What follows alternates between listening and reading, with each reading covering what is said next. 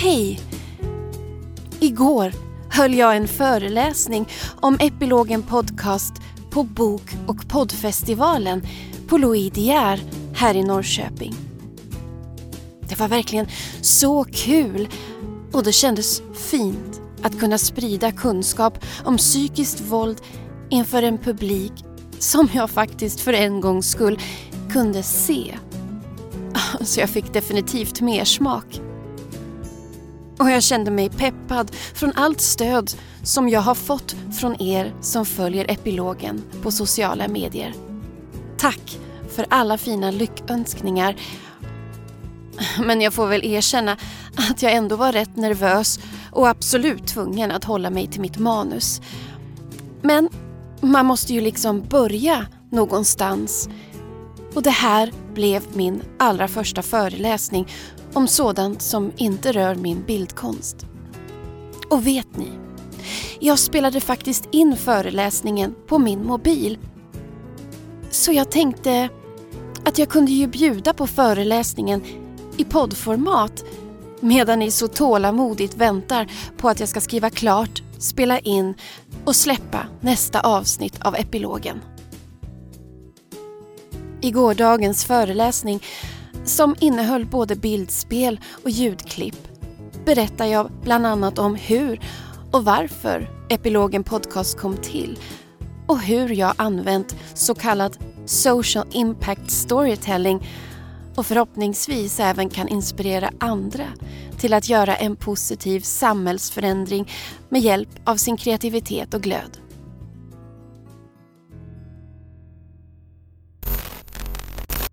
Välkomna hit till Bok och eh, poddfestivalen i Norrköping här på Louis De Geer. Jag är så glad att få vara här.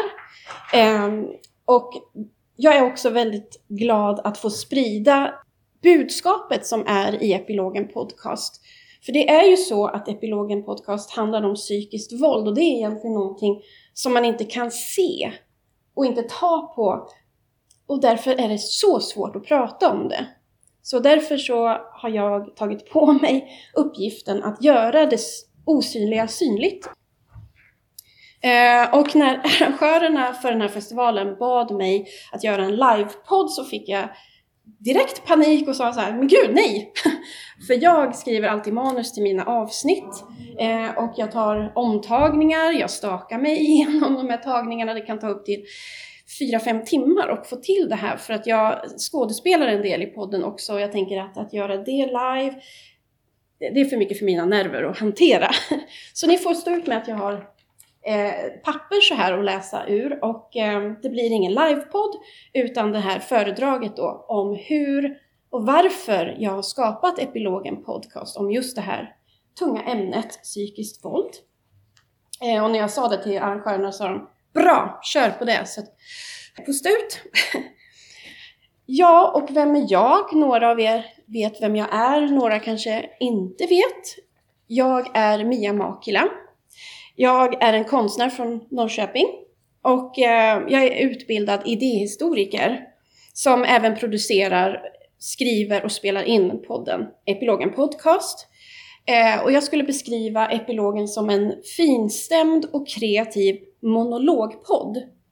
Eh, det är lite blandning mellan radioteater eller audiodrama, sommarprat, eh, och ljudbok och någonting annat. så den är lite speciell. Och jag driver podden ideellt och använder så kallad social impact storytelling.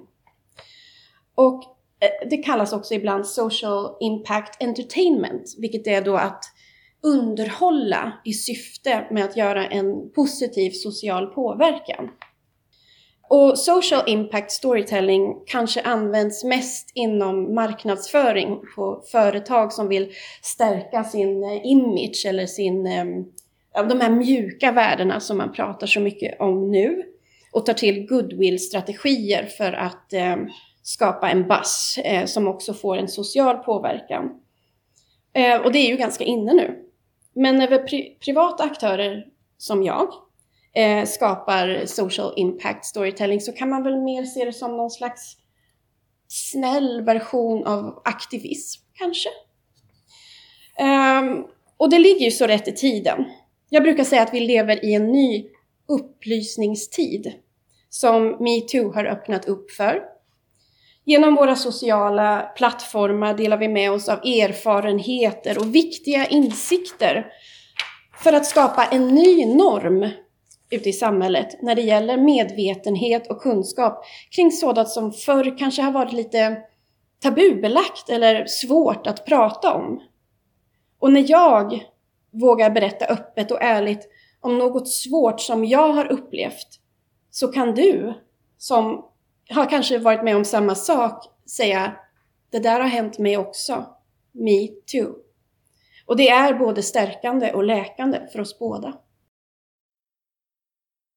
Men jag är som sagt varken psykolog eller någon form av expert på våld i nära relationer. Jag är en internationellt verksam popsurrealist som målar och gör collage, men jag skriver även på några böcker, bland annat på en roman och en bok om att just läka från psykisk misshandel.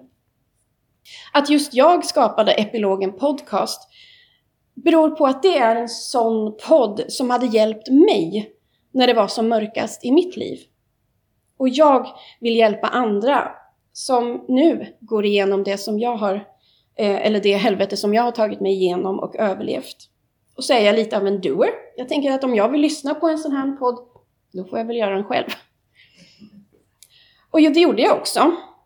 36 avsnitt och 90 000 lyssningar har det hunnit bli sedan podden lanserades i eh, pandemihösten 2020. Och i epilogen har jag utforskat psykiskt våld och på ett nytänkande sätt och dessutom utvecklat ja, en helt ny poddgenre, nämligen sinnepodd. Alltså inte audiodrama, inte radioteater, utan cinematisk podd, eller filmisk podd. Och jag kommer prata mer om den kreativa och konstnärliga delen av epilogen om en liten stund. Men först måste jag nog ändå ta allt från början. För varför startar en konstnär som jag just en podd om psykiskt våld och narcissism?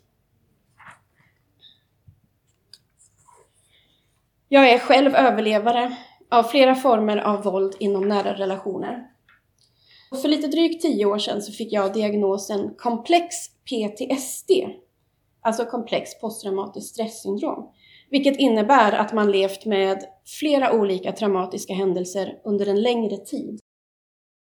Och komplex PTSD, ja, det är komplext att leva med. Lika komplext som läkningsprocessen. För psykiskt våld och manu eh, subtil manipulation är så pass dolt, som jag sa tidigare, att man inte kan ta på det och därför kan man inte heller tänka på det och därför kan man inte heller bearbeta det för att kunna gå vidare. Jag brukar säga att man stannar i en slags rumpnissefas eller ett stadium av att bli en rumpnisse som hela tiden undrar varför, var, varför då, då? Varför gör de på det här sättet? Varför då? då? Varför, varför gör de så? Man ältar. Man är förvirrad. Man fattar att någonting är åt helvete. Att man har gått igenom något oerhört svårt och skrämmande. Men man får liksom inte ihop exakt vad det är man har upplevt. Det är lite som att försöka hitta ut ur en labyrint som man inte ens kan se. Men när man väl hittar kunskap om psykiskt våld och subtil manipulation, ja, då börjar man i alla fall kunna urskilja konturerna av den här labyrinten. Och ju mer kunskap man tar in, ju mer inser man att ens hjärna har blivit omprogrammerad och att den där labyrinten man försöker ta sig ut endast leder till en ny labyrint man ska ta sig ur men som i sin tur också leder till en annan labyrint som man ska ta sig ur. Ja, det är verkligen som att försöka ta sig ut ur en psykologisk thriller. Men den är helt verklig. Och för att göra allting värre så får man heller inte oftast, ska jag säga, rätt stöd från sin omgivning. Och inte heller från vården. Okunskapen om psykisk misshandel är skrämmande stor. Och när man själv inte förstår vad man har gått igenom, hur ska man kunna förklara det för andra så att de förstår? Och när jag gick i terapi så var det inte en enda terapeut som ens nämnde psykiskt våld, gaslighting, traumatisk bindning eller subtil manipulation. Okunskapen om allt som rör psykiskt våld och dess trauman är verkligen en blind spot inom vården, rättssystemet och i allmänheten. Det är väldigt allvarligt och gör mig upprörd att tänka på, för det kan liksom leda till oerhört eh, allvarliga konsekvenser som att överlevare av det här blir feldiagnostiserade, eller de får fel medicin eh, och fel råd som snarare förstärker medberoendet till ens förövare. Visst, vården bekräftade mitt lidande och de gav mig diagnosen komplex posttraumatiskt stresssyndrom och de stärkte mig med pepp och stöd. Men efter mina terapibehandlingar så var jag fortfarande lika förvirrad kring vad exakt jag hade upplevt och överlevt. Därför fortsatte jag bara att upprepa mina egna destruktiva mönster och drog till mig ännu mer skit, mer trauma och mer förvirring ända tills jag nådde botten av mitt liv. Och att nå den absoluta botten, det var min räddning. Det var det bästa som kunde hända mig. För där och då så hade jag inget annat val än att ta tag i allt det här förvirrande. Så jag började stärka mig själv genom meditation och genom att göra egen research om destruktiva relationer. Och det var där som jag stötte på begreppet psykisk misshandel, subtil manipulation och narcissism för första gången. Allt det där var nycklar som låste upp utgångarna inne i den där snåriga labyrinten som jag irrade omkring i.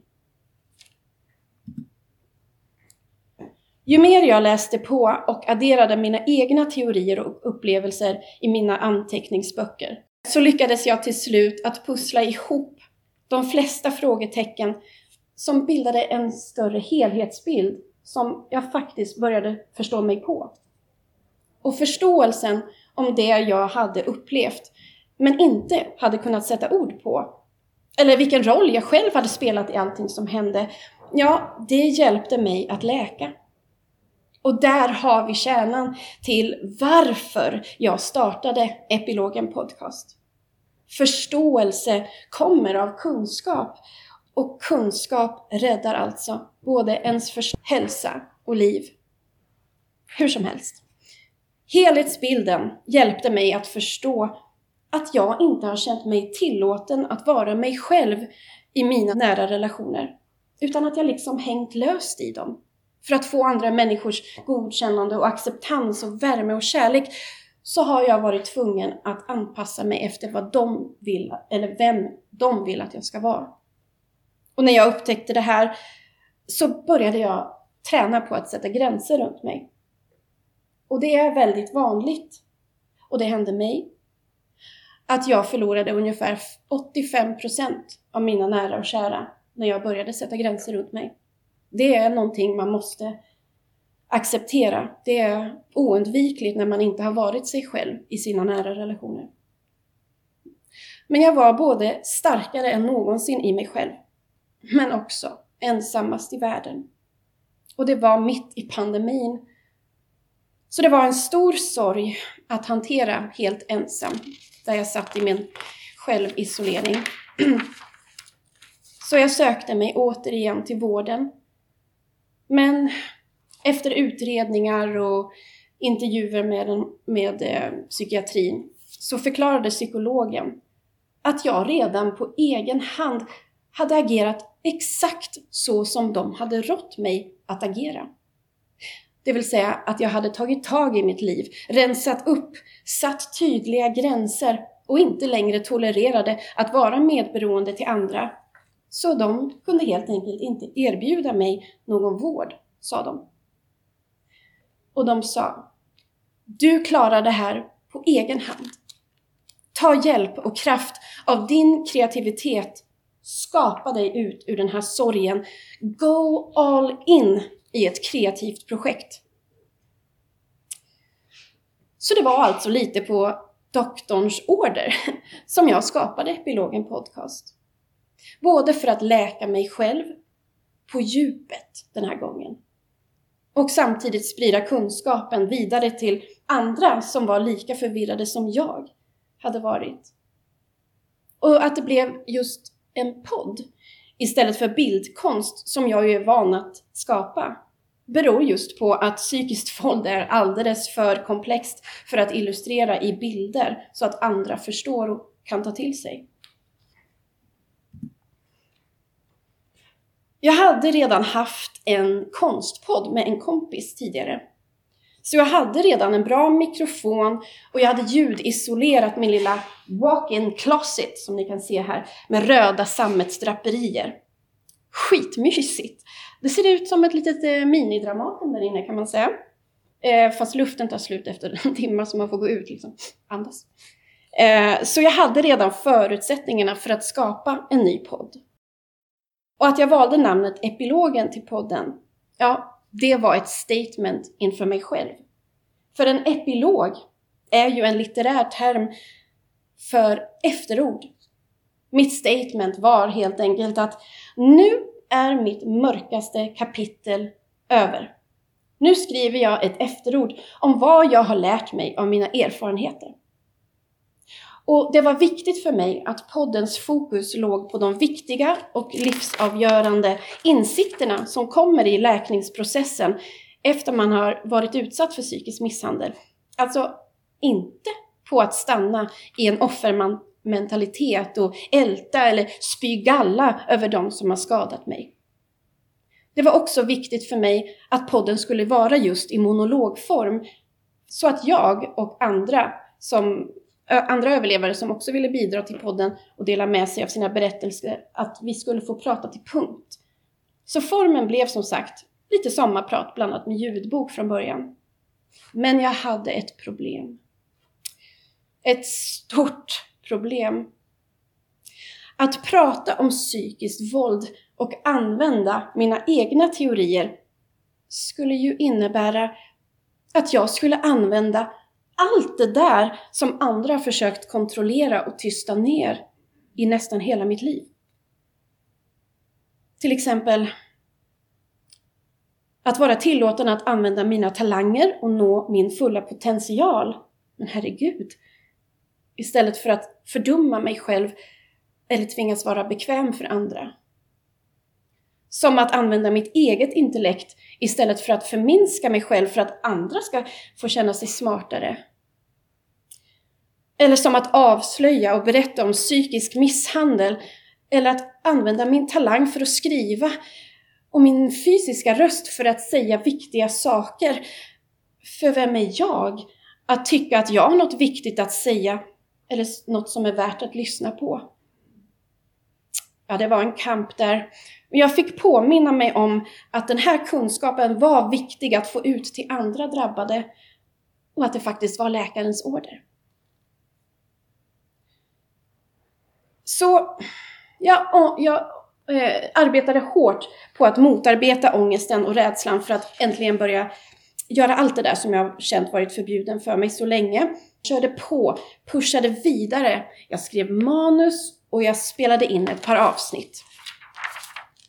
Och Epilogen Podcast lanserades alltså hösten 2020, mitt i min pandemiisolering, sorg och egen läkningsprocess. Och podden fick snabbt ett genomslag i poddsfären och genom poddens Instagram-sida kom ett ständigt flöde av meddelanden från andra överlevare, både kvinnor och män, som ville dela med sig av sina berättelser och erfarenheter om psykisk misshandel och narcissism. Hittills har jag producerat 14 kvinnors egna berättelser, eller epilogen, i podden. Och de flesta av dem har skrivit manus och spelat in sin epilog genom att använda ja, men, eh, röstappen på mobilen. Och sen så skickar de filen till, eh, till min mail och eh, sen så rengör jag ljudet så att säga så att det är inte så brusigt. Jag klipper och klistrar så att det blir en röd tråd för det är svårt ibland när man bara berättar att det hänger ihop. Och så ja, så lägger jag på ljudeffekter som gör så att man ser de här berättelserna tydligare framför sig och lägger på stämningsfull musik. Och några av kvinnorna i den här podden har faktiskt även dramatiserat sina egna trauman. Alltså att de lever ut de känslor, att de skådespelat fram vad de faktiskt kände, tänkte och upplevde under sina pågående trauman. Då har jag varit där, stöttat dem självklart, och regisserat dem så att de kommer åt sina äkta känslor. Och det är ju trots allt min styrka som konstnär, det där att komma åt kärnan av sina känslor. Och vi ska nu lyssna på ett klipp ur avsnittet Den långa vägen hem, Annas andra epilog, där överlevaren Anna har skådespelat fram sina känslor av den tuffa läkningsprocessen som följer efter man har lämnat sin förövare. Och hon har skapat en slags metaforisk berättelse, en slags road movie kan man säga, som hon går genom gyttja och kyla och regn och slask för att komma vidare. Ehm, men det är såklart, ibland så undrar man om det är värt att orkar kämpa vidare eller om man bara ska ge upp. Att gå i skogen, över snår och myrar går bra. Men det är när jag hamnar i det där leriga diket jag halkar och faller. Regnet faller obarmhärtigt och ihållande och jag är så trött. Jag är så jävla trött. Jag orkar fan inte gå mer i lera. Hur länge är tanken att jag ska virra runt här i skogen, diket och leran? Jag kanske inte fixar det här trots allt.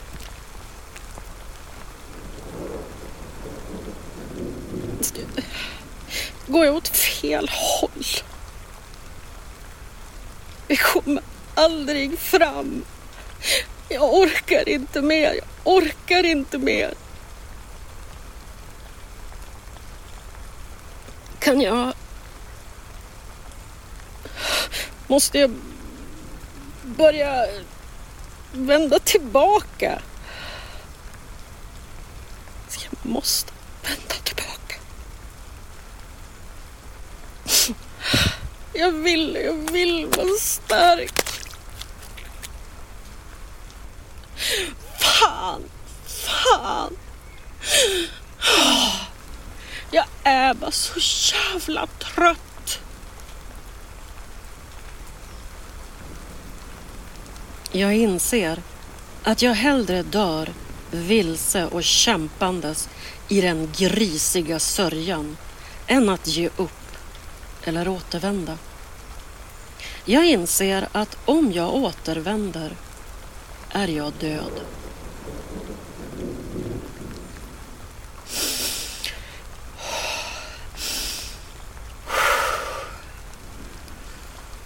Okej. Okej. Jag tar några djupa andetag, tar ett grepp om remmarna på min ryggsäck och fortsätter sakta framåt. Jag har fattat ett beslut som handlar om mitt liv. Jag väljer att tro att jag är på väg någonstans. För det är min enda möjlighet att faktiskt leva.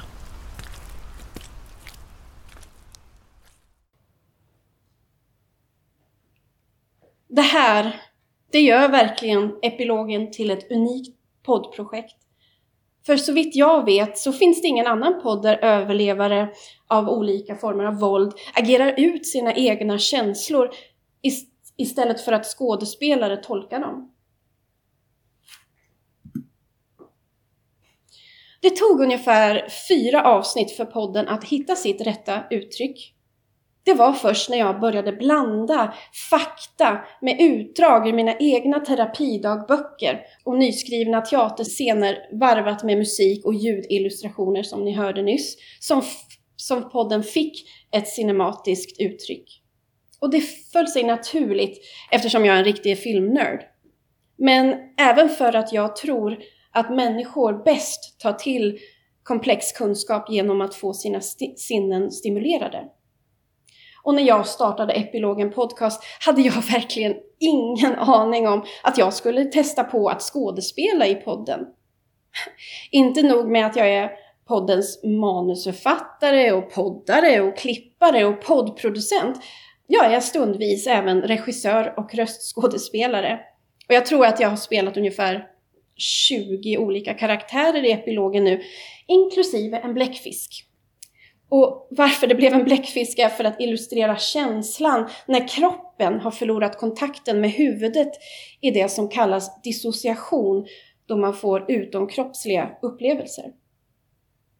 Vi ska lyssna på ett klipp ur en teaterscen ur avsnittet Gaslighting, där jag försöker illustrera känslan av att sitta fast i den paralyserande hjärndimman som gaslighting innebär. Usch, fru Rousseau, jag är rädd. Jag känner hur jag börjar tvivla på om det jag upplever nu verkligen är verkligt. Hur ska jag veta det? Och dessutom sitter jag fast i gyttjan. Hjälp! Gör inte motstånd. Det gör att du bara sjunker allt mer djupare ner i gyttjan. Men jag vill inte vara kvar här. Men ta mig härifrån nu. Jag vill inte längre. Och jag vill inte leva en sekund till i den här gyttjan av järndimma. Hjälp mig härifrån. Varför räcker du inte mig din hand? Vill du att jag ska sjunka? Jag vill komma loss. Jag vill vakna. Jag vill vakna. Jag vill vakna nu.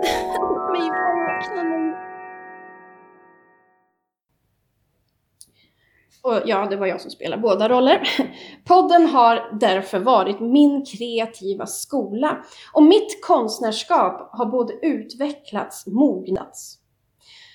Och det är så med social impact storytelling, har man någonsin liksom gett sig in på det här spåret så vill man inte sluta. Jag vill inte skapa konst för att sälja och vara inne i någon slags eh, ja, kommers liksom. Utan nu är det här min grej. Jag vill påverka på riktigt och göra riktig skillnad. Och det har jag, jag har gjort det här i syfte att hjälpa andra ideellt med hela min själ och helhjärtat. Just genom att använda min kreativitet i podden har jag därför kunnat bidra med helt nya ord till det offentliga samtalet om psykiskt våld. Ett av dessa nya ord är missbehandel. Ja, det är så jag kallar psykisk och emotionell misshandel eftersom även de goda stunderna ingår i utförandet av psykisk misshandel. Det är inte bara små incidenter, eller små, men incidenter av våld, utan det är även när allt är lugnt och bra. Så man blir missbehandlad i största allmänhet. Och det kan man bli på många olika sätt.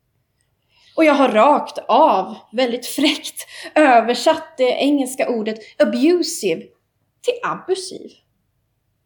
Eftersom ordet abusive egentligen inte har någon bra svensk översättning. Man kan säga kränkande eller... Men det är så mycket mer. Och så har jag klätt upplevelsen av att tappa bort connection till sig själv och livet med ordet livsdöden. Jag har myntat begreppet orimlighetsprincipen och för att lättare påminna sig själv om att inte acceptera orimligt beteende. Och jag pratar ofta i podden om läkning i 3D. Alltså att man måste vara lika medveten om sina egna destruktiva beteendemönster som man är kring förövarens mönster för att kunna läka på djupet. Och dessa uttryck och ord har blivit mycket upp, uppskattad av eh, epilogens lyssnare och många av dem har själv börjat använda det här, de här orden. Och jag bidrar med nya ord just för att de behövs Och ju mer vi klär abstrakta och komplexa upplevelser i konkreta ord, desto mer kan vi bearbeta dem och befria oss från dem. Jag brukar säga att det tar en läkare att beskriva fysiska skador, men att det tar en poet att beskriva de skador som uppkommit på insidan utav psykiskt våld. Så det är kanske inte så konstigt att just jag i egenskap av konstnär som även skriver har skapat just en podd om psykiskt våld. Men ärligt talat, ibland tänker jag, vad fan är det här? Jag är konstnär, jag borde hålla på med konst. Det här är någonting som vården och psykiatrin borde erbjuda. Men just nu är det som det är. Och då behövs allas röster. Min, din, ja, allas.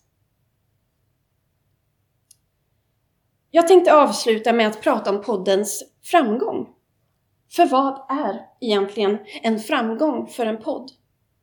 Att man når rekordmycket lyssnare? Att man blir kändis? Eller kanske något annat? I det allra senaste avsnittet, Vad hände efter epilogerna?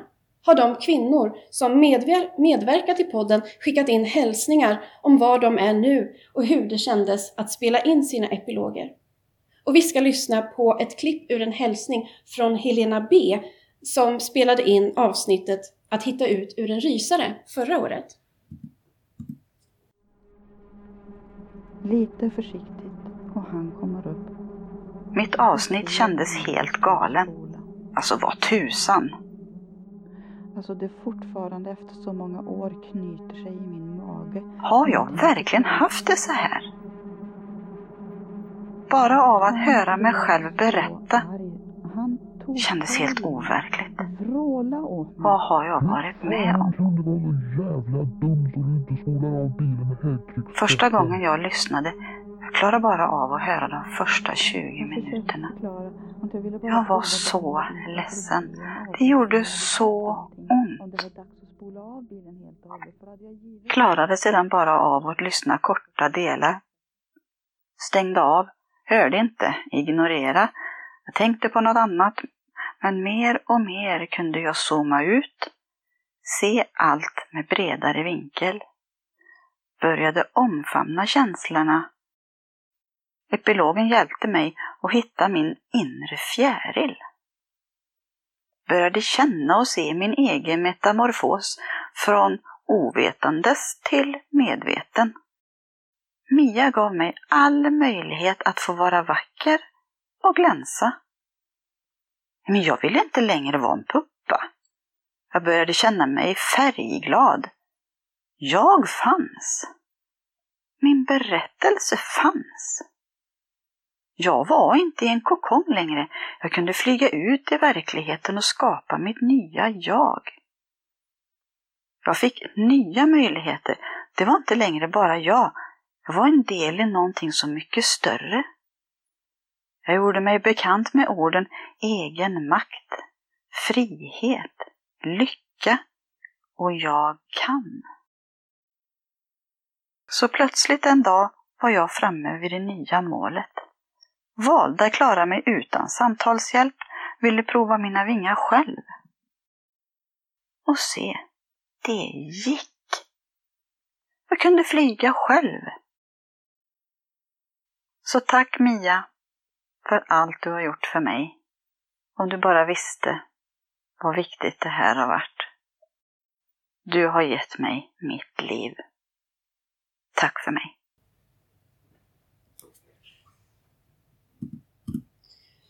Under de här två och ett halvt åren med epilogen så har jag läkt, läkt, läkt och läkt.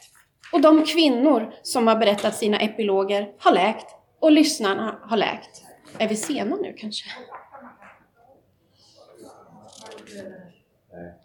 Är det okej? Okay? Ja, okej.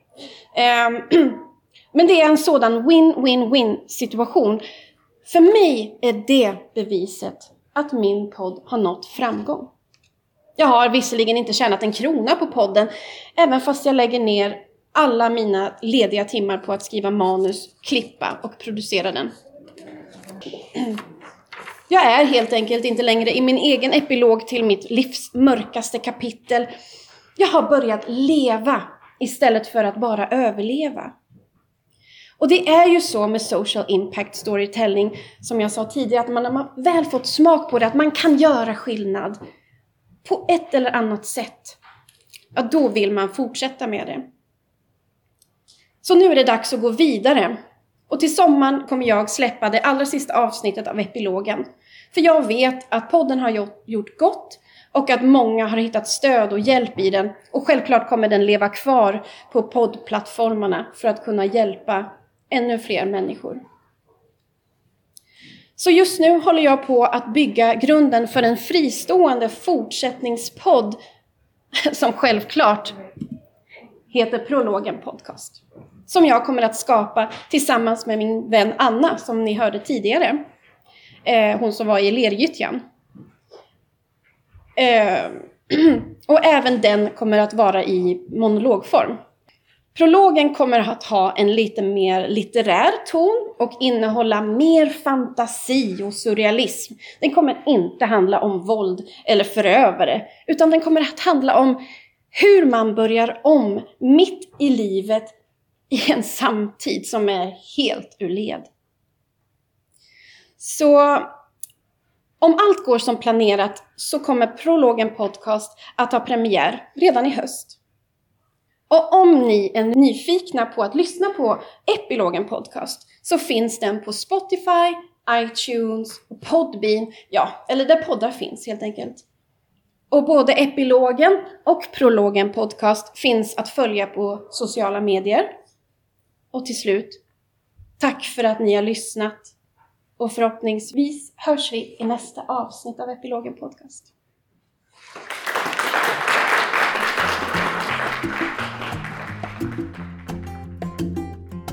Tack till Louis Dier och till alla som kom på föreläsningen. Även ett varmt tack till Peter Skoglund och Mats Granberg som bjöd in mig till festivalen.